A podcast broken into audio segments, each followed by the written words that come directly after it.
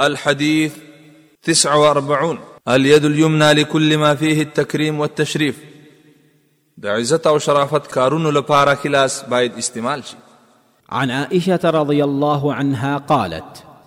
كانت يد رسول الله صلى الله عليه وسلم اليمنى لطهوره وطعامه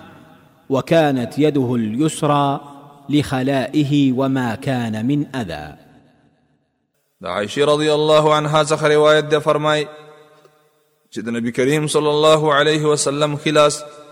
د هغه د خوراک کولو لپاره او په او داس او داس کې هم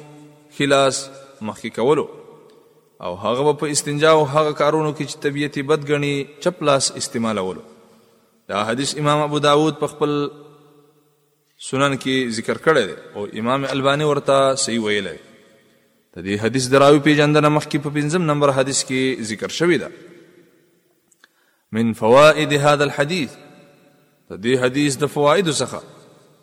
په دین اسلام کې دا قاعده هغه کارونه چې د عزت او شرافت سره تعلق لري لکه جامع غسل کېړی په خپو کول او مسجد ته داخلي د مسواک وهل او همدارنګ نوکان او بریتونه پرې کول د بیت الخلا نه راوتل او په اوداسه کې اندامونه وینځل، خوراک او څښاک کول او همدارنګه مصافحه کول او په لمانځه کې سلام ګرځول او د حجر اسود استلام کول وغیره هغه کارونه چې د عزت او شرافت سره تعلق لري باید په هغه ټولو کې ښي طرف مخکې کړی شي. دوهم او هغه کارونه چې د عزت او شرافت سره تعلق نه لري لکه بیت الخلا ته داخلیدل او د مسجد نه بهر وتل او همدارنګه